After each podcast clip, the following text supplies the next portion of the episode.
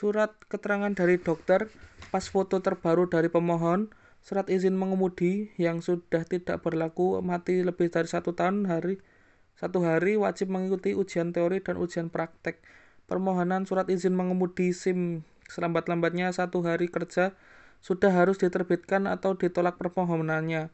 Apabila surat izin mengemudi hilang, rusak dan atau tidak terbaca, maka pemiliknya dapat mengajukan permohonan mengganti SIM yang baru dengan melampirkan SIM yang yang dimiliki atau surat keterangan hilang dari kepolisian setempat, salinan tanda identitas diri KTP yang masih berlaku. Pemilik surat izin mengemudi harus melaporkan bil apabila pindah tempat tinggal domisili secara tetap keluar wilayah kekuasaan pelaksana penerbitan SIM dalam waktu selambat-lambatnya dua bulan sejak kepindahan di tempat yang baru. Surat izin mengemudi internasional Pemilik surat izin mengemudi SIM dapat memperoleh surat izin mengemudi internasional. Penerbitan SIM di, internasional diterbitkan oleh instansi atau badan yang ditunjuk